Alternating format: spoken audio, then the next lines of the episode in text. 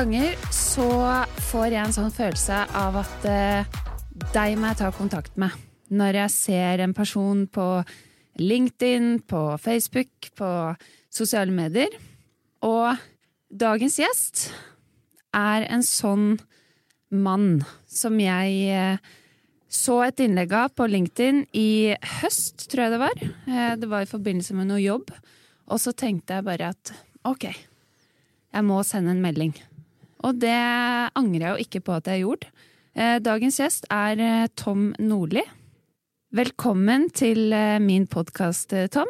Jo, takk. Det er kult å ha deg som gjest i Gjør det. Mange veit jo hvem du er. Kanskje fra fotballen. Jeg kjenner deg ikke fra fotballen. Jeg har blitt kjent med deg via felles jobb, og da når jeg tok kontakt på LinkedIn. Um, vi jobber litt sammen nå i Avonova helse. Uh, og du er jo en uh, veldig klok og reflektert uh, mann. Um, og dagens tema som jeg har lyst til å snakke med deg om, det er det med å dømme folk. Vi har en tendens til å sette folk i bås kanskje basert på førsteinntrykk, basert på media. Jeg har lyst til å høre hva dine opplevelser rundt det er, ehm, fra det profesjonelle perspektiv, fra eh, det private perspektiv. Hvordan er det du gjør det for å håndtere sånn? Og så har jeg lyst til å snakke med deg om tilbakemeldingskultur. Det veit jeg du har eh, Jeg veit du har mye på hjertet! Ja, så um, ja, det blir en eh, kul prat. Og vi skal innom eh, Motgang i dag òg, det er viktig for meg å ha med i podkasten, og så tror jeg det her blir en uh, kul prat. Så velkommen. Takk for det. Jeg um, har lyst til å Vi må bli litt bedre kjent med deg først. Um, det første jeg vil du skal begynne med, kan du beskrive deg sjøl med tre ord? Direkte, ærlig, omsorgsfull. Direkte, ærlig og omsorgsfull.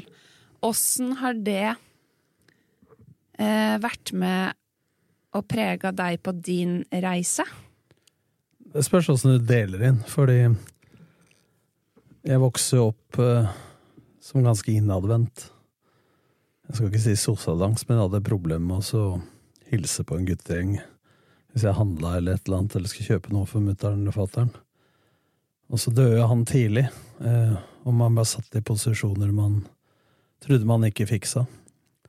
Og så fikser man det, får mestringsfølelse. Det var vel første gang jeg tenkte at det var dag for å stå litt i vinden allikevel. Men, så jeg har en innadvendt side, eh, men har øvd på å være inn, eller utadvendt ekstrovert når det trengs. Så det er litt sånn rolleavhengig, egentlig. Men jeg blei jo spurt om hva jeg ønska meg til jul, og da svarte jeg en uke helt aleine. Så jeg har fortsatt mm. Mange blir overraska når jeg sier de tinga her, da. Så så, så, jeg sa vel ikke så mye da jeg var yngre. Men, men hva, hvilken alder snakker vi om nå? Fram til jeg var 17, eh, da pappa døde. Og så var han forholdsvis direkte, mens mutter'n var helt motsatt. Mm. Og mutter'n var veldig sånn opptatt av Jeg husker da jeg slutta i Vålerenga som trener, så spurte jo ikke hun hvordan det gikk med meg, hun spurte hva skal folk si nå. Mens fatter'n var mer sånn en spade er en spade. Så det å være direkte har eh, vært litt ubehagelig for noen. Eh, til de blir kjent med deg. Til de forstår at den direktheten og ærligheten er egentlig godt ment. Mm. Og jeg tror den, samme som om du er privat eller som trener eller hva det er, at hvis du hadde spilt på mitt lag, da, og jeg hadde sagt eh, stå på til uka, Barbro, så får du spille til helga, så hadde jeg visst inni hodet mitt at du får ikke spille. Da har jeg lært meg til at det er mye bedre at jeg sier du får ikke spille, men du må øve på A, B og C for å bli bedre. Så den direktheten er ganske ubehagelig og uvanlig for noen. Men uh, i voksen alder så syns jeg mer at uh, folk har gitt tilbakemelding på at uh, det er ærlig, det er troverdig, det er autentisk.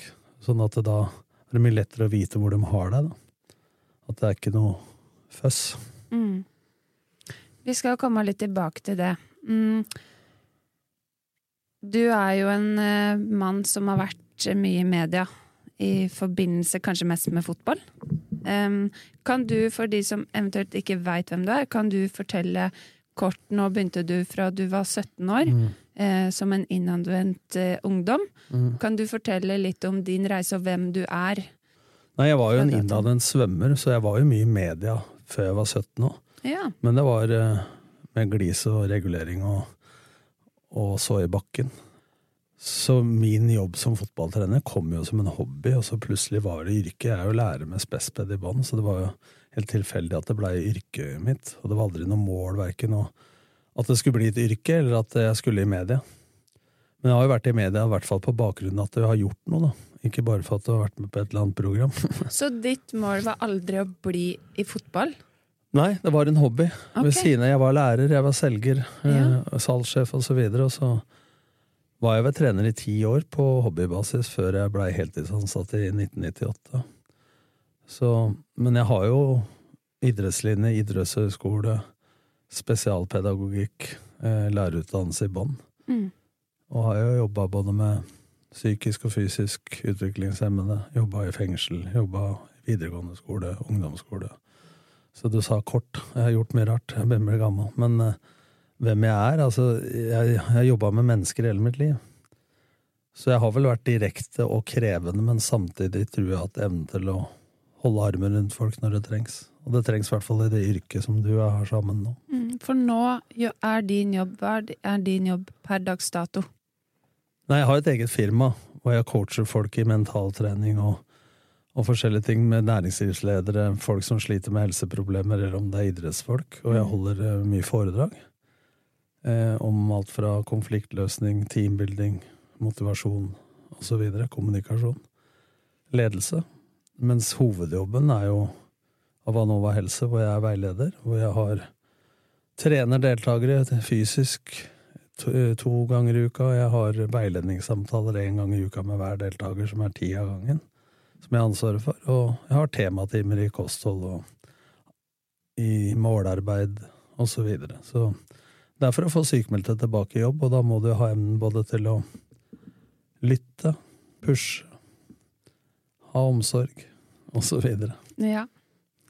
Det er sant, det. Det er jo Det er mye som kreves når en skal jobbe med mennesker, men jeg tror hvis en har den omsorgen Ja, altså, du kan godt lese ting, og jeg har jo lest mye, men jeg har mye erfaringsbasert kunnskap etter hvert. Altså, mm. Jeg kan godt påstå noe, men jeg har jo ofte en knagg å henge det på med på både godt og vondt, både i medgang og motgang. Altså ting du har opplevd både profesjonelt og privat.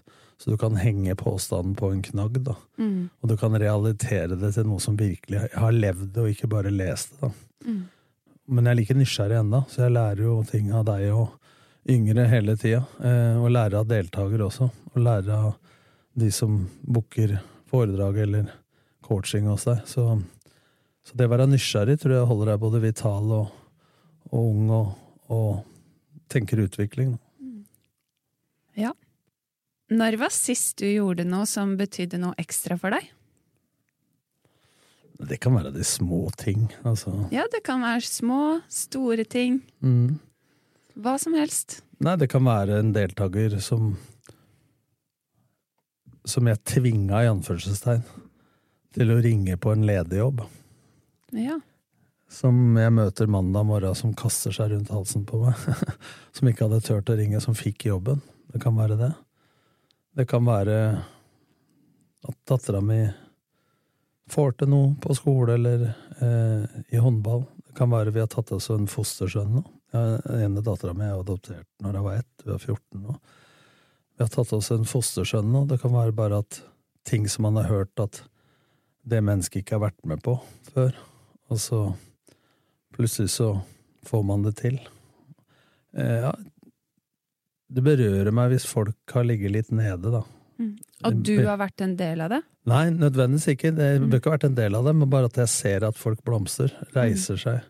Det kan være Petter Northug etter hans fadese til VM i Falun. Det kan være et menneske som har slitt økonomisk eller med helsemessig, som plutselig Det bør ikke være det, men i jobben vår nå, da, så er det jo sånn at jeg løser jo ingenting for deltakerne men du kan dytte dem i, i riktig retning. For de fleste mennesker har jo et potensial i seg, så er det om å gjøre at jeg kan hjelpe til med å gjøre om det til ferdigheter i praksis. Da. Mm. At det ikke bare blir noe du har i deg. Det, men uh, i jobben vår så er det jo sånn at hvis du kan utgjøre en liten forskjell som dytter folk i riktig retning, da, og få dem til å fokusere på å akseptere det som har skjedd, at folk kan akseptere at de er sykemeldt, eksempel, og begynne å tenke hva skal jeg gjøre med det? For vi har tendens, uansett vi mennesker, til å fokusere på hvorfor ting har oppstått. Så jeg pleier å dele inn fokus blant annet i tre. Da. Du har fokus i fortida, nåtida og framtida. Og uansett hvor suksessrike folk er, hvis du prater om fortida, så ramser folk opp masse negativt.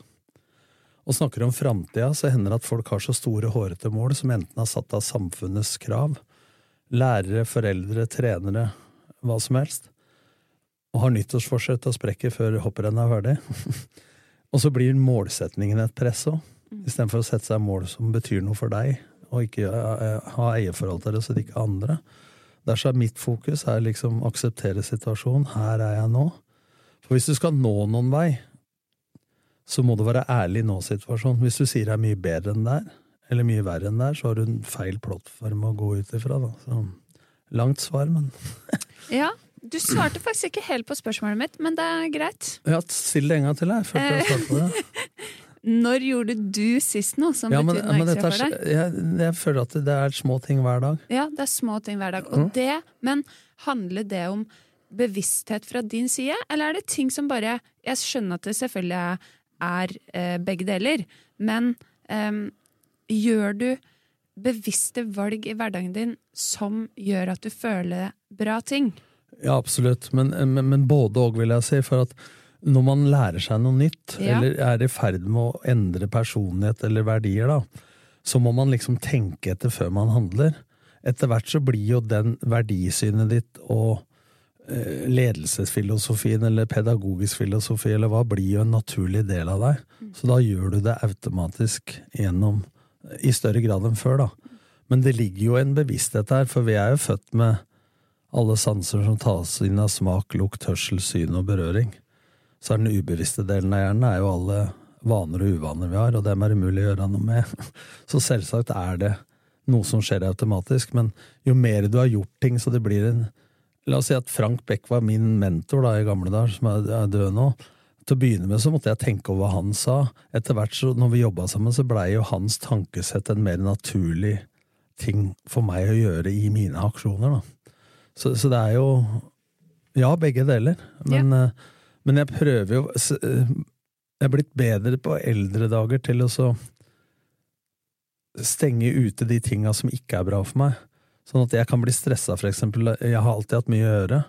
Men jeg kan ikke si før, vet du, når jeg mister det sin jobb, så flytter jeg avtalen fra tirsdag til torsdag i Outlook, og så følte jeg at jeg hadde gjort noe. Nå bare gjør jeg det og så blir kvitt av hodet mitt. Altså, Nå bare gjør du det. Ja, ja. det ja postkassen heter jo det. Ja. Jeg stresses ned, ned, av det, da. Ja. Ta bort stresset ved å si at ja, når det, så gjør jeg én ting av gangen, i rask rekkefølge. Mm. For det er jo sånn at sa, min mentor sa en gang når jeg går, så går jeg. Når jeg løper, så løper jeg. Når jeg spiser, så spiser jeg. Når jeg jobber, så jobber jeg. Når jeg sover, så sover jeg. Så sier jeg det gjør jeg jo. Nei, Tom, sa han, når du går, så løper du allerede. Når du løper, så er allerede i mål. Og når du spiser, så er allerede mett, og det har vært mye av når jeg veide mye. og når jeg jobber, så tenker du på hva du ikke har fått gjort. Og når du sover, så tenker du på hva du skal gjøre i morgen. Så det handler om å være i nuet, her og nå, og det fokuset, som jeg sa, mm. det du får gjort noe med. Så aksepter det som har skjedd. Gå fra å gjøre det til å begynne å ta tak i det du kan gjøre noe med. Og vi kan ikke bestemme hva som skjer i livet, men vi kan i hvert fall øve litt på hvordan vi takler det som skjer. da. Men det krever faktisk en del trening. Ja, og det høres jo ut som for deg da, at du har um, av mange års erfaring og uh, livet, så har du innarbeida deg et ganske solid verdisystem som du, som du både følger automatisk, men òg noen ganger, kanskje litt oftere enn en du tror noen ganger, at det er bevisste valg rundt det, da. Ja, men du kan jo si at første gangen du får en smell, da, enten du får sparken på jobben eller det skjer noe annet, eh, så, så er det som et balltre i trynet. Og da har du ei verktøykasse som inneholder én hammer. Og jeg får jo beskjed hjemme at jeg får strømavskifte lyspære. Så. og da visste jeg ikke hvordan jeg skulle bruke hammeren. Men etter hvert som du opplever ting i livet, så får du ei verktøykasse som du er mer klar over hvordan du skal bruke, og hvilket verktøy du skal bruke neste gang det blir en bomp i livet. Mm. Men jeg syns folk har tendens til å ta de gode dagene som en selvfølge. Og så analyserer vi veldig mye hvorfor dagene er dårlige. Istedenfor å tenke at det er en naturlig del av livet. Hvordan kan jeg gjøre det en dumpa til å tenke å, hvordan løste jeg det forrige gang? Hva lærte jeg av det? Hvis du har krangla med typen eller dama di, og du prater etterpå om hvordan blei vi venner, så er det en prestasjon. Men i det du sier det var du som begynte, så er vi i gang igjen. men, men, jeg er mer bevisst på det der Det blir det samme som vi snakker til hverandre, så kan jeg si bra, Barbro, til deg. Men når du har gjort noe dårlig, så holder jeg et langt foredrag. Hvis vi inni hodet vårt, eller som kollegaer eller venner, alt kan si 'Barbro, det der var bra fordi du gjorde sånn, sånn og sånn'. Mm. Altså, Du veit hvorfor det er bra, så er muligheten for å gjenskape og videreutvikle det som er bra, mye bedre. Så jeg har jo coacha folk som har slitt med to ting.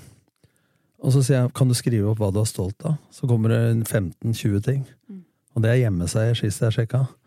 Og hvis du fokuserer mye mer på hvorfor du er bra og stolt av det, så får du mye mer krefter til å ta tak i de tinga som er dårlige. Og jeg sier sånn at en positiv tanke sier 'legg deg ned og vær takknemlig', og sånn sier mange coacher. Jeg sier En positiv tanke endrer ikke en kjip situasjon du står i, men å øve på et positivt mindset endrer deg og din evne til å ta tak i den kjipe situasjonen. Så jeg pleier å si hvis jeg og kjerringa har krangla, og jeg er problemet, så kan du dra på hytta for å få fred fra meg. Mm. Men hvis ikke jeg er problemet, så hjelper ikke å dra på hytta. For da har du bare tatt med deg problemet. Ja. Og vi flykter jo noen ganger på den måten. Ja. Nå er, vi, nå er vi rett inne på temaet tilbakemeldingskultur. Ja. Kanskje vi skal ta det først, og så skal jeg bare skyte inn det.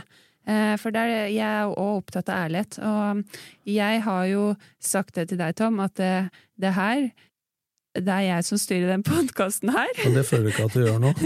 Jo, men jeg veit at du har så mye på hjertet, og det er helt fantastisk. Ja, øra, det, men det her er nytt for meg, og må, jeg må virkelig holde tråden her, så, sånn at lytteren skal få skjønne at vi er innom de temaene vi skal.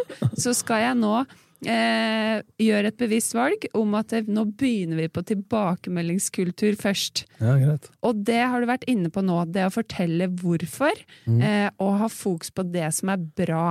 Ja. Hvilke forhold har du til tilbakemeldinger? Stor forskjell fra næringsliv til idrett. Fortell. Eh, jeg tror at de fleste bedrifter har en målsetning for bedriften. De fleste idrettslag eller eh, idrettsutøvere har en målsetning. Et felles mål. Ja. Mm. Og det felles målet, eh, det er mange som tar fram når det er prominente gjester og kanapeer på bordet. og så ikke at det er et arbeidsverktøy til daglig. Jeg påstår jeg må svare litt langt, for jeg påstår at det er lettere å skjule seg i næringslivet enn i idretten. For hvis du spiller venstreback på Lillestrøm, da, et, eh, så vil du bli evaluert hver dag for den profesjonen du utfører, ikke deg som menneske. Du får video hver dag, du får på iPaden dine involveringer osv. Men det er skapt en trygghet først. Hva er lagets målsetting? Er vi skal bli topp fire. Det er et resultatmål. Hva er dine mål, som venstreback, for eksempel? Eh, utviklingsmål og eh, resultatmål. Og da, når du har skapt trygghet rundt den målsetningen, så kan du skape en tilbakemeldingskultur. Og da er det hvordan gir du tilbakemelding, én til én, i plenum osv. Men hvis du veit hvem som gir deg tilbakemelding, hva du skal få tilbakemelding på, så er det skapt en trygghet rundt det. Men i næringslivet så må vi nesten spørre vil du ha tilbakemelding, og så skal alt skje én til én. Idretten så er vi vant til å få det i plenum mange ganger. Så alle andre hører på, men det er den profesjonen du utfører og ikke deg som menneske som eh, Selv om det er viktig hvordan du utvikler deg som mennesker, så er det det du utfører. Og jeg tror hvis du jobber på en fabrikk eller en bedrift, så har bedriften målsetninga. Men så driver du på ditt kontor eller eh, ute i periferien og gjør dine oppgaver. Og hvem er det som gir deg tilbakemelding utenom deg sjøl? Hvem er det som følger deg opp? Mm. Hvem er det som gir deg eh, konkret tilbakemelding? Og så snakker man om kritikk og konstruktiv kritikk. All kritikk er jo for å få folk til å bli bedre, men det må skapes en trygghet rundt det. Ja, Så trygghet og det med å ha klare mål for å faktisk ha noe å kunne gi tilbakemelding på. Ja, og, så er det, og hvordan gir du tilbakemelding? Jeg har vært i salgsorganisasjoner hvor folk ringer i ei bjelle når en er solgt. Det er det verste jeg veit, for den som har solgt, har jo en god følelse. Eh, og hvordan føler alle de andre seg i rommet når den ringer i bjella? Føler seg mislykka. Istedenfor å sagt 'Barbro, nå har du solgt bra på grunn av A, B og C'. Hør dere andre nå hvordan Barbro fikk til det, så kan den vellykketheten du gjorde, hvordan du booka møte, hvordan du fatta kjøpsignaler osv., så, videre, så kan du spre det til de andre. Ikke sant? Se her, en annen gang så er det en annet menneske i den salen, istedenfor at det er bare sånn visuelt at en ringer i bjella, og, øy, og så sitter resten der med huet ned. Det tror jeg skal, det, mange tror at det er sunn konkurranse. Jeg mener at det skaper bare utrygghet. Det er samme som jeg har vært i salgsorganisasjoner, jeg, som eh, lederen har sagt at første dagen er første dag i oppsigelsen. Det ligner nesten på fotball. Eh, og det, man tror at skriftlig advarsel eh, skaper motivasjon. Det skaper bare utrygghet hos folk. Mm. Trygghet er jo kjempeviktig. Det er nøkkelord. Ja. Syns du vi er gode nok på tilbakemeldinger? Nei. Hva blir... tror du det handler om? Det handler også om utrygghet fra ledere. For liksom, det er lett å si at eh, bra, Barbro. Du solgte bra.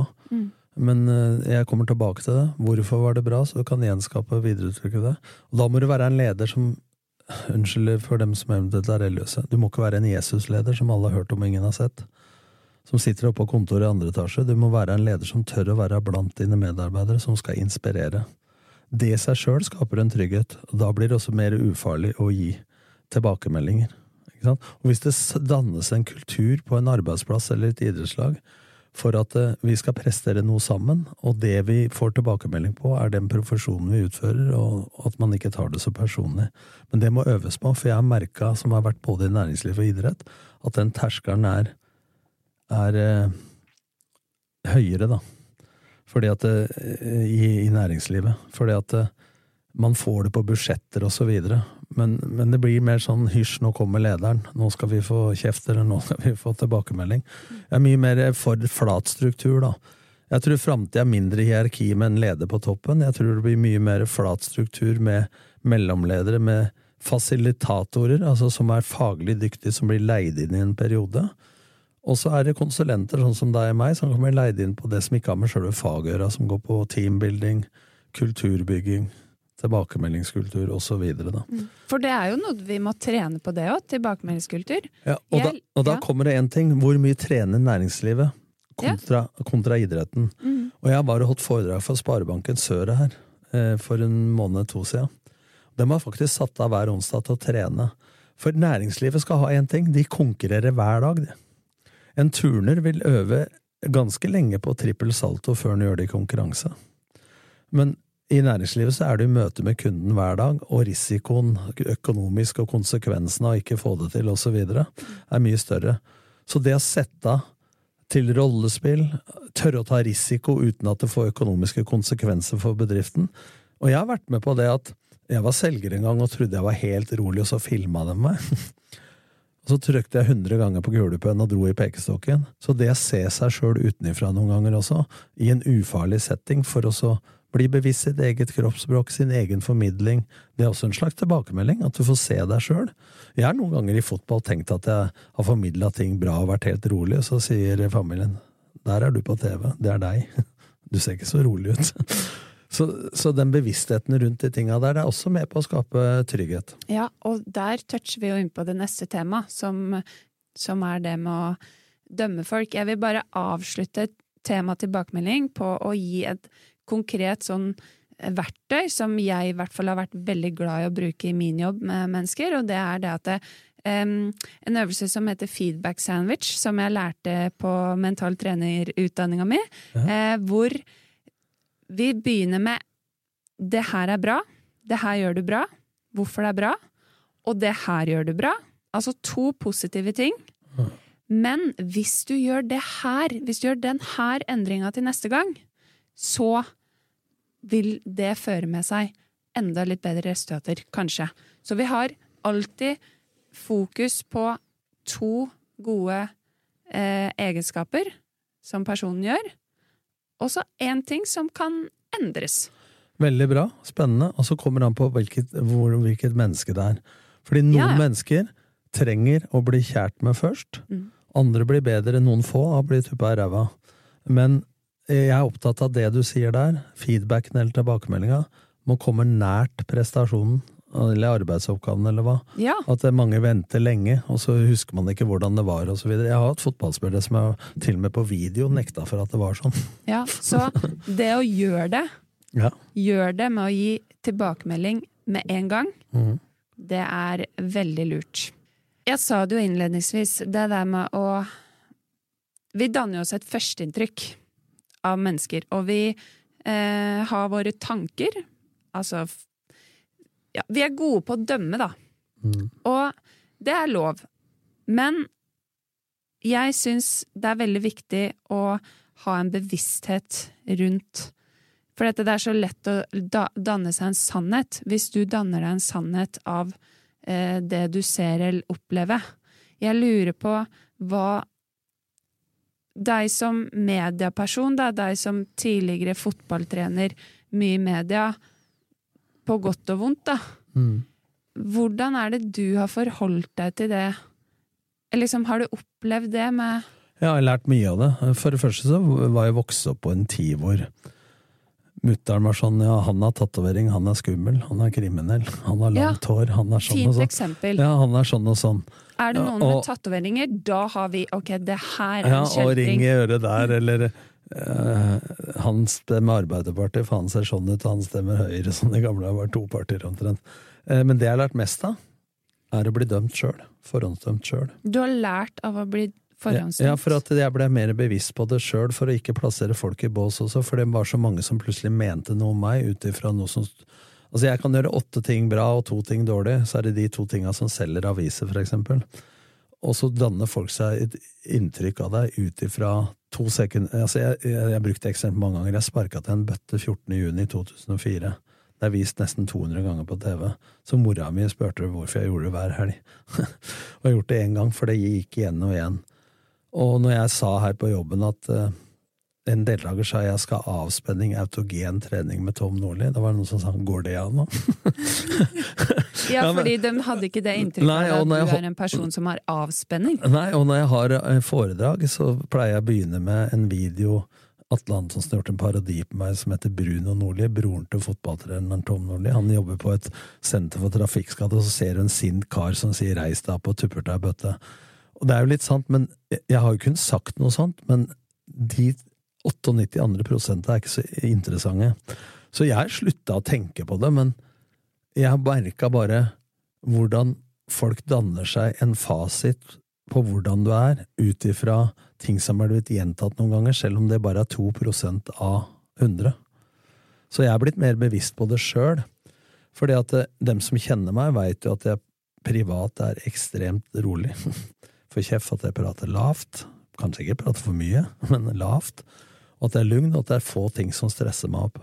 Mens bildet liksom fra fotballen er han hissig på sida, som den gangen veide 130 kilo, og banna sverta. Ja, jeg har gjort det, men man tror at det er sånn hele tida. Så, så jeg er blitt mye flinkere til å være nysgjerrig på folk som er annerledes enn meg, og der kommer det inn en annen ting òg. Hvem er det vi vil være sammen med i lunsjen, på gruppearbeidet, eh, i bryllup eh, med ukjente? Det er ofte den som er lik oss sjøl. Det å kunne se andres menneskers annerledeshet eller andre menneskers kunnskap som en ressurs og ikke en trussel, det er en øvelse. Så vi var i bryllup en gang, så sa kona at eh, jeg har så fin bordkavaler. Er han så kjekk, altså? Han har så mye fine meninger. Så var jeg stille i 20 sekunder, så sa jeg var han enig med deg, han? Jeg merker på leggen enda etter det. Men du skjønner hva jeg mener? Ja, altså. ja. Og jeg er veldig nysgjerrig på sånn, jeg har hatt assistenter som har trigga meg hver dag. Mm. Og det er kanskje, det varer ikke så lenge, men jeg har søkt utvikling hele tida, og jeg er veldig nysgjerrig på Jeg elsker at folk er uenige, bare de veit hvorfor de er uenige. At det ikke er bare en følelse. Ja, og det der, den der nysgjerrigheten, det er, det er jo en egenskap du sier du har. Og en Ja. nysgjerrighet for mennesker. Det òg mener jeg er kjempeviktig. Men hva kan vi si til oss sjøl, da? Hvis, for det skjer jo automatisk at vi ser en person, og så dømmer vi. Og et sånn, bare sånn skyte inn et eksempel. Når jeg har sagt til venner eller bekjente at jeg jobber med Tom Nordli. Ja, ja. Og jeg, da jeg tok kontakt med deg og sånn Mm. Han bare 'Jobber du med Tom Nordli?' Han kan ikke være god å jobbe med! Ja, Jeg bare 'hæ?' ja. Og det er jo Ja, og det Hvor kommer det fra? Ja, hvor kommer det fra? Mm. Og da blir jeg sånn ah, Jeg blir provosert, da. Mm. Um, men vi må jo vi må gå inn i oss sjøl, og så lurer jeg på hvis ikke, For det er ikke alle som er like nysgjerrige. Og vi, det er ok, det her er fasiten. Det må være greit. Men hvis vi skulle utfordre oss sjøl på hva kan vi stille oss spørsmål når du ser en person for første gang? En person med masse tatoveringer, for å ta det eksempelet. Hva kan du Nå er det deg inn, det var ikke denne jeg vokste opp. Ja, ja. Men hva kan du stille deg sjøl? Nei, nei, men det blir jo mer på å være nysgjerrig på hvem denne personen er. Og komme litt under huden, ikke sant? Ja, men hvis du, bare, hvis du skal sitte på en benk ute og trene ja, deg på å ikke dømme folk på førsteinntrykk, Mm. hva kan vi si til oss sjøl da? Jeg lurer på hvorfor den har på seg de klærne, eller hvorfor den ser sånn ut, eller hvorfor Ja, litt- Ja, ja, hvorfor-spørsmålet? ja, hvorfor? hvorfor? Hvorfor er det sånn? Mm. For jeg, jeg tror at eh, Jeg tror at Jeg kan ta et eksempel med dattera mi, da. Hun kom til Norge når hun var ett år. Når hun var fire år, så ringte barnehagen og spurte har hun kjørt, kjørt mye på ski.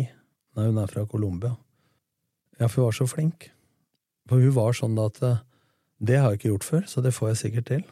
Og så har hun bodd i Norge, da, hvor vi har blitt prenta inn hva som er riktig å si, riktig å gjøre, politisk korrekt, i 13 år. Så nå blir det sånn ja, det har jeg ikke gjort før, så det får jeg sikkert ikke til. Så hvorfor blir vi sånn? Det kan vi stille oss spørsmål der. Hvorfor har jeg forhåndsdømme? Hvorfor plasserer jeg den, den stemmer det partiet, eller den eh, sånn og sånn ut fra klær? Altså, vi, vi tar så feil mange ganger, da. Mm. Så være litt mer open-minded og nysgjerrig på, på annerledeshet. At folk er litt annerledes enn oss sjøl, og at det ikke nødvendigvis tiltrekker Ja, for vi vil gjerne ha bekreftelse på at det vi mener, er korrekt, og da søker vi. Altså, det er på skolen jeg var lærer, da.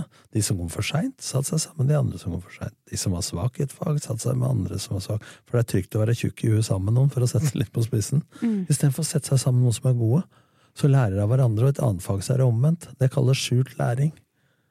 Så, så hvorfor ikke se på annerledeshet som noe spennende og nysgjerrig? Mm. Tenk om alle skulle flydd rundt og ment det samme og sett like ut. Det hadde Mm. vært bånn kjedelig. Ja. Tror du det med å dømme folk etter førsteinntrykk eller etter væremåte eller kroppsspråk, tror du det er med på å danne eventuelt tilbakemeldinger? Eller fasiten på tilbakemeldinger? Eller tror du ikke det har en sammenheng? Jo, til å begynne med, men uh, hvis det er et overfladisk miljø, så ja, men hvis man Jeg har jo hatt jo folk på jobben der vi jobber nå, som er helt annerledes. Jeg har tatt meg sjøl i det, som jeg tenkte den er sånn og sånn og sånn og sånn. Eh, Og jeg merka på meg sjøl at til å begynne med når jeg jobba der, så var jeg han fotballtreneren, mens de andre var idrettspedagoger, og så oppdager de at han har master i det, han, han har spesped i det, han har det og det, og så merker de atferden, og så forandrer de lite grann. Så det kommer jo fra et sted at vi tenker at Men det er ikke noe feil å tenke at han eller henne er sånn og sånn, hvis man bare er åpen for at ikke det er to streker under for evig og alltid. Mm. Men da har jeg på jobben hos oss, når folk er nyansatt, jeg vet ikke om du merker det, men vi sitter på hvert vårt kontor, da. Og så Jeg må jo ha litt avslapping. og Jeg går jo inn til folk, setter meg ned og så tar en prat om livet. Bli kjent, rett og slett. da. Helt open minded. Mm. Og da, altså ikke si det som forventes. at du skal, Det blir som å være et jobbintervju, så sier du det som tror lønner seg for seg sjøl. Istedenfor bare tørre å stå i det og være der sjøl. Men folk sier 'jeg er 100 meg sjøl'. I Paradise sier de 110. Jeg har alltid lurt på hva det er. Og så sier vi til unga våre du kan bli alt du vil. Men du kan ikke det, men du kan bli alt du er. Men hvem er du? Så jeg tror du må søke litt inn i deg sjøl og finne ut hvem du er.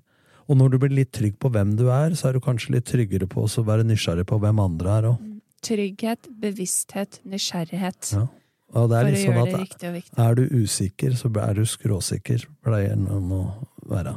Jeg var ganske mm, god på det tidligere i yngre alder og sånn, og, og dømme folk. At jeg blei Hvis noen oppførte seg litt rart eller var litt voldsomme, eller, mm. så kunne jeg liksom tenke 'å, herregud, for en mm. teit person'. Mm. Og da, min atferd da, det blei veldig sånn Litt sånn stygg atferd. Sånn Mhm. der at jeg overser personen. At jeg Um, men det har jeg jo kanskje sett i ettertid at ah, det her tror jeg kanskje handla litt om at jeg faktisk var ganske usikker på meg sjøl. Mm. Og at det, nå er jo det, de siste ti årene, da, er jo det jeg har, måtte, jeg har måttet tatt bevisste valg om at nå, nå, døm, nå må du faktisk være litt åpen her. Og det å da være ikke sant, det der, ok, jeg, Hvilke spørsmål kan jeg stille den personen her nå, mm. for å faktisk er det sånn her det er? Er det her fasiten, det du sitter og gnager på i huet? Men det kan jo hende at den personen du møter også, bare er beskjeden, innadvendt, ja. altså andre veien. Og veldig ofte så er det sånn Du er jo helt annerledes! Ja. Og da men, har vi jo lært Men hva sier de til meg, Barbro, når jeg holder foredrag? Når jeg er ferdig, så sier de 'jeg trodde ikke du var sånn'. Ja, jeg trodde ikke du var sånn. Og så blir jeg glad, da. Så kommer jeg til første lyskryss, og så tenker jeg 'åssen i helvete trodde de at jeg var'? så det tatt allikevel. likevel. Men, men det der, den nysgjerrigheten Men når du tenkte at det der er en teit person, så selv om ikke du sier og du skjerper deg, så tror jeg du ubevisst utstråler noe annet enn det du tror sjøl. Ja, jeg får en ja. dårlig. Ja, så jeg tror andre legger merke til det mer enn deg sjøl. Yes.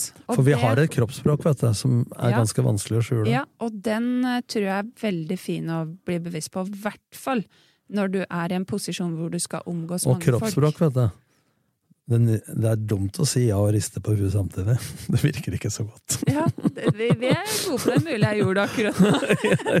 ja, men, men, men, mange ting Der, der jeg sa i stad at det å se seg sjøl noen ganger òg, mm. bli bevisst på hva slags faktisk hva er det jeg formidler Og det er mange ganger jeg har formidla noe med god mening, mm. som har blitt oppfatta annerledes, og da er det faktisk jeg som budbringer av et innhold som har ansvaret. Ikke deg som mottar det. Ja, helt korrekt mye gode poeng her. Jeg syns jo det er viktig å dra opp det med motgang. Ja. Basert på de temaene vi har snakka om nå. Har du blitt satt på prøve noen gang? Eh, har du stått i en motgang som har gjort det vanskelig for deg? Sånn Har du opplevd noen motgang i karrieren din? Ja, så Jeg blir ofte spurt om foredrag, og så sier de eh, Jeg kalte jo foredraget mitt først i medgang og motgang. Ja. Og så pleier jeg å kødde og si at eh, jeg ble spurt om å holde foredrag her, for jeg skal holde foredrag om motgang, for det er vi så jævlig gode på. Men kanskje jeg er litt god til å snu motgang til medgang. Ja. Og det, og det går på faktisk, altså når man først har oppnådd en motgang, da, enten det er at det har skjedd noe økonomisk, eller det har skjedd noe sykdom i familien, eller du har fått sparken på jobben, eller du har tapt mange fotballkamper, så handler det om for meg å akseptere den situasjonen som har skjedd, og begynne å fokusere. For jeg har hatt familiemedlemmer som har hatt problemer eh, psykisk, ja. og da er det to valg. La oss si at et person som plutselig ikke hadde lyst til å leve lenger, som du finner eh, i en situasjon som du ikke ønsker, men som overlever, og så er det to måter å tenke på. Hva har vi gjort feil? Hvorfor har dette oppstått? Eller så kan du akseptere at det har skjedd, og hva kan vi gjøre med det? Altså mer kognitiv tankegang. Da. Men åssen aksepterer du det? Nei, men eh, fordi at jeg tror enten vi er syke eller hva vi er Bare det å være sykemeldt i dag, det ser vi på jobben hos oss. For dem du ikke går på krykker, så er folk veldig opptatt av å rettferdiggjøre hvorfor de er syke. For at de skal fortelle naboen eller arbeidsgiveren at de er syke. Jeg har hatt kamerater som har gått hos legen i tre år, som eh, hadde vondt i ryggen, og så ringte de meg og sa at nå er jeg så glad, Tom, for nå veit jeg hva det er, jeg har fått en diagnose. Jeg spurte åssen det skulle bli bra, sier han. Ja, det glemte jeg. Altså, For vi skal rettferdiggjøre, ikke sant? Mm. Altså, og så blir vi litt eksperter på egen historie, da. Som folk blir lei av å høre. For du, samme som hvis en La oss si du har motgang på jobben, om det er meg med en leder i fotball, eller om det er deg, eller hva. Så, så hvis du har en leder som gjør at du blir sjuk, og det er motgang, og du har sikkert noe av skylda sjøl, så er det tre måter å gjøre det på. Én, prøve å snu sjefen. Hvit mann 50 pluss. Vanskeligere å snu SS Norway i Nittelva. Vanskelig å snu deg, Tom. ja, ja. Jeg er svær òg, vet du. Nummer to. Eh, du kan slutte hvis det plager deg så mye å begynne et annet sted. Folk slutter for sjelden. Nummer tre. Liker du kollegaene dine? Ja. Liker du arbeidsoppgavene dine? Ja. Jeg bare sørg da for å ha minst mulig med sjefen å gjøre. Ikke sant? Altså, da har du tre valg. Så jeg var mye mer opptatt før når jeg eksempel fikk sparken i Vålerenga første gangen i år 2000, så var det urettferdig, jeg ble selvmedlidende, jeg ble bitter, ikke sant, og prøvde å forklare alle hvorfor det har skjedd. Og da var jeg, for å bruke det bildet, rød bøtta, da. med emosjoner og bitterhet og alt. Jeg lå og så på TV i tre måneder på God morgen Norge og i reprise og Dr. Phil og Days of Lives, og plutselig var klokka tre. Nå er jeg kanskje tre dager eller tre minutter eller tre timer i den røde bøtta, for jeg, jeg prøver å fokusere på det jeg får gjort noe med. Mm. Det som har skjedd, får jeg ikke gjort noe med. Nei. Og så tenker jeg, hva har jeg ressurser sjøl inni meg? Hva har jeg ressurser rundt meg i nettverket mitt, for det er altfor få som tør å spørre om hjelp. Mm. Og da har vi tilbake til den, det er veldig få som spør meg, hvordan har du det, Tom? De fleste spør, hva jobber du med? For jobben vår er status og posisjon, bilen vår, hytta vår, og så videre. Så hvis du svarer 'jeg har ikke så bra', så svarer ni av ti 'vi må ta en kaffe snart'. Jeg har ikke tid nå, for de, enten blir det for nært, eller så er de ikke interessert. Og den kaffen blir aldri Ja, noe og av. så jeg pleier å svare. Det er mye som er bra. Så sier åtte av ni, åtte, ni eller åtte av ti. Så fint, da. Mm. Men så er det kanskje en eller to som sier hva er det som ikke er bra, Tom? Den personen bruker jeg tid på. Ja. For det kan være en game changer i livet ditt. At faktisk noen bryr seg, ikke Mm. bare later som. Så det har jeg lært meg, enten det er små eller store motgangsperioder, det er å ikke overforklare og rettferdiggjøre overfor alle andre. Mm. Men trenger jeg en uke på sofaen, så tar jeg en uke på sofaen. Og det kan hende at jeg er dypest nede i det mørke, men jeg er mye kortere tid der enn før. Du kan, du er litt i den røde bøtta, men du Ja. velger litt bevisst Ja, hvor lenge du skal være der. Ja, men altså, du kan Mhm. ikke Altså, du må bare respektere og akseptere at du er en rød bøtta. Mm. Og så istedenfor å ligge og synes synd på meg da, i tre måneder som jeg gjorde når jeg slutta i Vålerenga, Mm. så er det mer sånn Nå har jeg mer verktøy i kassa. Ja, det har skjedd. Hvor mye skal jeg bry meg om det? Mm. Så jeg begynte jo å søke jobber jeg ikke ville ha òg. Så spør jo familien hvorfor gjør du det. Jeg må ha noe å gjøre. Men det å komme i et jobbintervju, Barbro Og de spør hva kan du gjøre for vår bedrift, Nordli? Da pleier jeg å svare tenke inni huet mitt, ikke en dritt. Men det å svare det du har lyst til, istedenfor å prøve å tilfredsstille spørsmålsstilleren og si de korrekte tinga. Men det er ikke lett, for Nei. da er det den derre dømminga som Ja, kommer. men det er, det er trening. Ja. Og når jeg svarte da, det skal jeg svare på, Ja. hvis du forteller meg hvorfor jeg har kalt inn på det intervjuet her, Mm. da ble jeg kasta ut en del steder. Men der jeg ikke ble kasta ut, så fikk jeg jobben. Og for å sitere Petter Northug, så er det bedre å bli nummer 47 ganger og vinne OL enn å bli nummer fire hver gang. Hilsen Didrik Tønseth. Petter Northug og Didrik Stenseth, da. ja. ja, men du skjønner hva jeg mener? Ja. Men dette har jeg trent på. Ikke sant? Trening. Altså, jeg har trent mentalt. Mm. Og det har erfaringsbasert kunnskap. Og det er ikke antall år, men det er antall erfaringer per tidsenhet, og dem har jeg ganske mange av. Og så tror vi at når vi har motgang, at alle andre er opptatt av vår historie. For det står om det i media, så er det veldig få som egentlig bryr seg om det. Men, men jeg har deltakere på jobben hos oss. Jeg har sjøl gjort det, ikke turt å gå på butikken, der går han som fikk sparken. Eller folk handler i et annen by enn der de eh, bor. fordi at hvis jeg handler på dagtid, så tenker de at eh, han eller henne er sjukmeldt eller arbeidsløs. Tenker du noen gang om det det med dem som du møter i butikken? Kan de jobbe skift eller ha fri? Eller, jeg bruker, men vi blir så opptatt av de egne tinga, så jeg tror fokuser på ting som er bra. Få overskudd og ta tak i de tinga som er dårlige. Mm. Og det er helt lov, og vi opplever alle motgang. Og vi må faktisk ha lov til å grave oss ned i den bøtta noen ganger, men at vi for vår egen del først og fremst ikke skal være i den bøtta over lang tid. Ja. Og jeg syns det er Jeg har til kunder og til meg sjøl eh, vanskeligere å gjøre det på seg sjøl, men Mm. veldig lett å gi rådet til andre. Men det må faktisk bokstavelig talt noen ganger sette på en stoppeklokke. Mm. Jeg har nå 20 minutter Mm. På å grave meg så langt ned jeg kan få til, at jeg nesten drukner.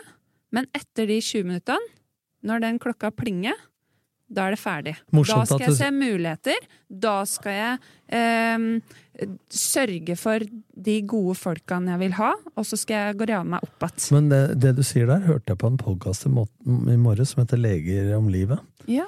hvor de, folk grubler veldig mye. Og det, kunsten er å være på og av. Fleste er, Det er trening. Ja, fleste er midt imellom og slurer på tomgang, og det er tappende.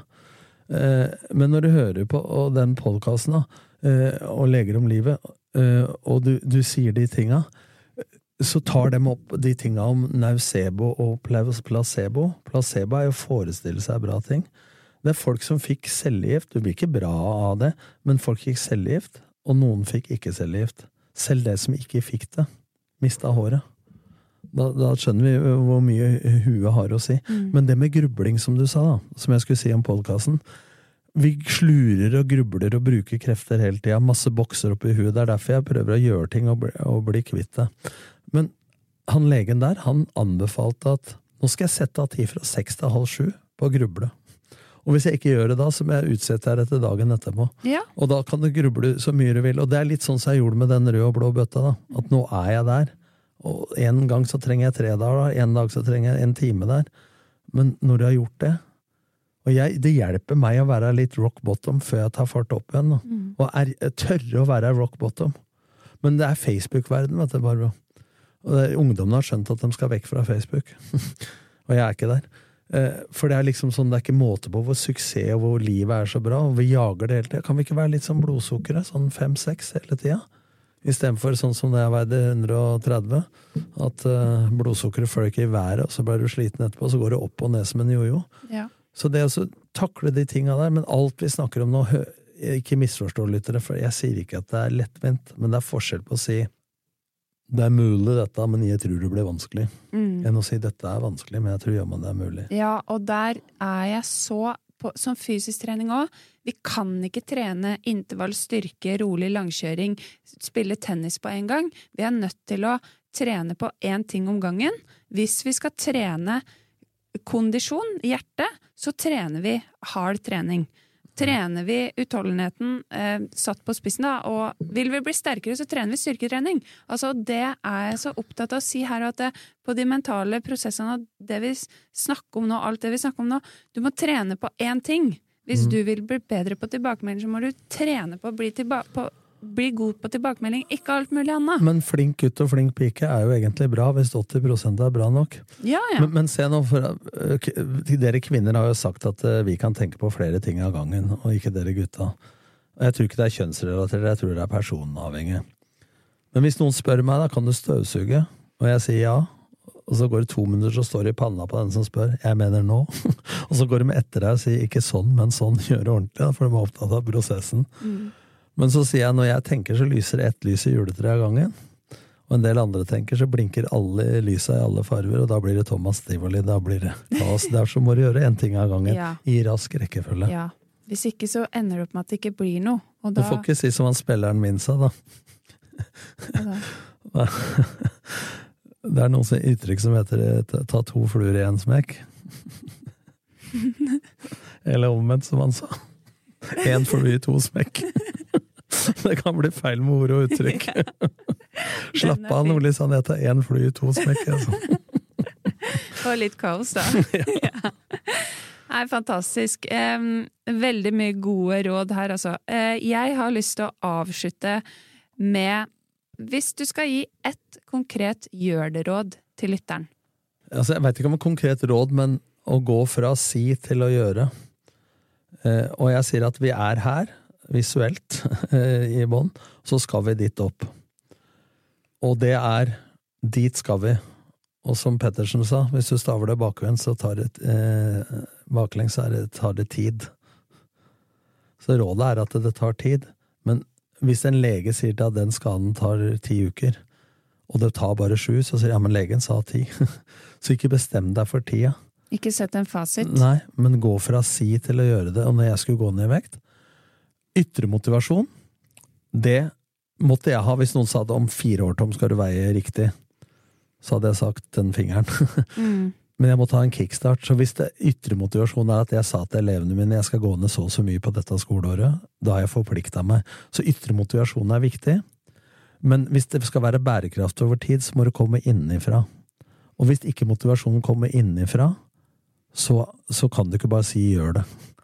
Så du må finne den motivasjonen. Men når du har bestemt deg, så må du komme deg i gang og gjøre det. Men noen blir motivert av å si 'skal vi gå en tur'? Det blir ikke jeg. Men når jeg først går turen, så syns jeg det er ålreit. Mm. Så det er forskjellig.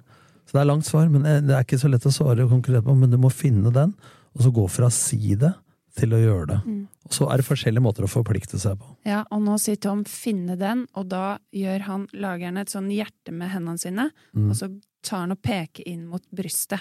Så ikke sant, du må finne noe som gjør at du virkelig vil gjøre det, og så må du starte med konkrete ting. Også litt ting. morsomt, men jeg sa det når jeg var enda større enn nå. Jeg Altså større i kroppen. ja, jeg Mm. stoler på magefølelsen. For magen er større enn huet. Nydelig! Stole på magefølelsen, for magefølelsen er større enn huet.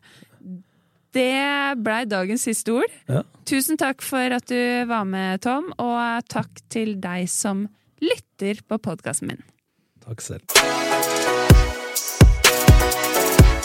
Denne podkasten er produsert av meg, Barbro Sæta, og av Adler.